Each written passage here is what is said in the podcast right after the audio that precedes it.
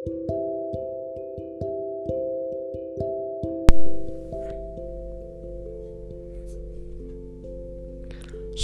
Bapak Ibu Saudara-saudari semua.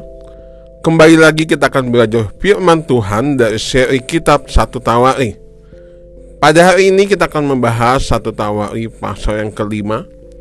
Kita akan memfokuskan pembacaan pada ayat ke-18 sampai dengan ayat 22 Saya akan membacakan bagi kita semua Satu Tawari pasal yang kelima ayat 22 Demikianlah firman Tuhan dari Bani Ruben, orang Gad dan setengah suku Manasye ada 44.760 orang yang sanggup berperang.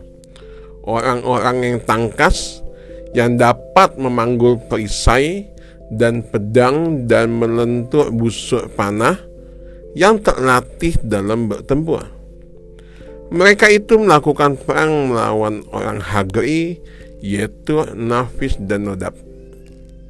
Mereka mendapat bantuan melawan orang-orang itu sehingga orang-orang Hagri itu dengan semua orang yang mengikutinya menyerahkan diri ke tangan mereka. Sebab mereka telah berseru kepada Allah dalam pertempuran itu. Maka ia mengabulkan permintaan mereka sebab mereka percaya kepadanya. Mereka mengangkut ternak-ternak orang itu sebagai jarahan, untanya 50 ribu ekor, kambing domba 250 ribu ekor, dan keledai 2 ribu ekor. Juga manusia 100 ribu jiwa. Banyak orang yang tewas karena mati terbunuh sebab pertempuran itu adalah daripada Allah. Lalu mereka menduduki tempat-tempat orang-orang itu sampai waktu pembuangan. Berbahagialah setiap orang yang membaca, merenungkan, dan melakukan firman Tuhan dalam kehidupan sehari-hari. Bapak, ibu, saudara yang terkasih, kita tentunya pernah mendengar istilah hukum rimba, yaitu hukum di mana pihak yang kuat merupakan pemenang dan dia berkuasa. Dalam kehidupan sehari-hari, kita juga menemukan hukum ini, di mana pihak yang kuat akan menjadi penguasa atau menjadi pemenang pada saat itu. Ada banyak contoh yang kita temukan dalam kehidupan kita, tapi salah satunya saya ingin membawa contoh dari sepak bola. Siapa yang tidak tahu dengan klub Barcelona, klub yang terkenal karena kehebatannya, Siapa yang tidak tahu? Banyak pemain bintang di sana. Dalam satu dekade terakhir, Barcelona menguasai sepak bola Eropa bahkan dunia. Ada banyak hal yang bisa membuat mereka begitu menguasai sepak bola di Eropa bahkan dunia. Pertama mungkin juga karena strategi pelatih. Yang kedua juga karena kerjasama tim. Yang ketiga adanya pemain-pemain yang skillnya, kemampuannya, sangat-sangat hebat. Ada banyak pemain bintang seperti Lionel Messi, ada Neymar, ada Luis Suarez, Xavi Hernandez dan sebagainya. Sehingga bukan hanya karena diisi pemain bintang, karena juga tadi saya sebutkan strategi, kerjasama tim, dan ada banyak faktor yang membuat Barcelona menjadi klub yang patut disegani oleh klub-klub sepak bola lainnya ada banyak hal yang membuat mereka menjadi penguasa sepak bola di Eropa dan dunia dalam beberapa tahun belakangan ini. Bapak Ibu ini dikasih oleh Tuhan, kitab Tawarikh yang baru sudah kita baca banyak memuat peperangan antar bangsa. Namun ada kalanya peperangan atau pertempuran tersebut tidak seimbang di mana ada pertempuran antara yang besar atau yang kuat dengan yang kecil, yang lemah.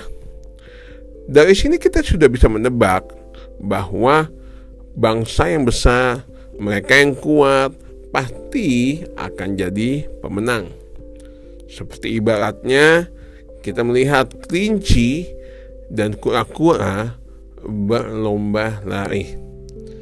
Sudah dapat dipastikan kalau kelinci dan kura-kura lomba lari, normalnya orang akan berpikir kelincilah yang akan memenangkan lomba. Bapak Ibu yang dikasih oleh Tuhan, kita lihat pertempuran yang ada di dalam kitab Tawari, ada kalanya pertempuran tidak seimbang di mana ada bangsa yang kuat melawan bangsa yang lemah. Namun kita melihat di dalam satu Tawari pasal yang kelima ayat 18 sampai 22 di mana bagian ini atau kisah yang kita baca mematahkan anggapan bahwa yang kuat akan jadi pemenang atau penguasa. Kita melihat bahwa tidak selamanya mereka yang kuat itu akan menang. Kita melihat Bani Ruben, Gad, dan sebagian suku Manasye. Alkitab katakan tadi mereka bisa atau terlatih untuk perang. Jumlahnya 44.760 orang.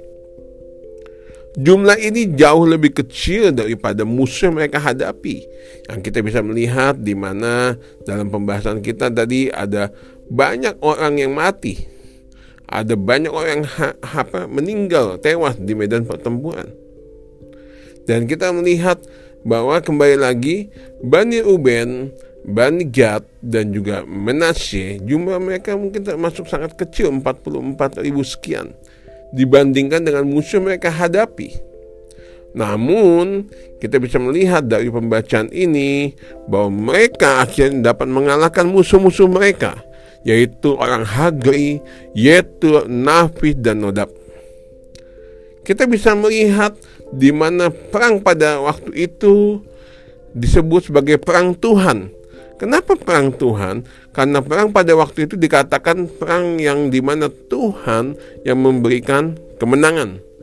Dengan kata lain, perang pada waktu itu dapat dikatakan perangnya Tuhan karena kemenangan yang diperoleh karena Tuhan berkenan atas hal tersebut. Saya ingin mengajak Bapak Ibu, saudara-saudari semua memfokuskan pada ayat yang ke-20 bagian terakhir yang berbunyi demikian. Sebab mereka telah berseru kepada Allah dalam pertempuran itu, maka ia mengabulkan permintaan mereka sebab mereka percaya kepadanya. Bapak Ibu saudara-saudari semuanya, kemenangan yang diperoleh Bani Ruben, Gad dan Manasye dilatar belakangi oleh seruan mereka kepada Allah untuk meminta tolong. Jadi kemenangan mereka dilatar belakangi oleh seruan mereka kepada Allah.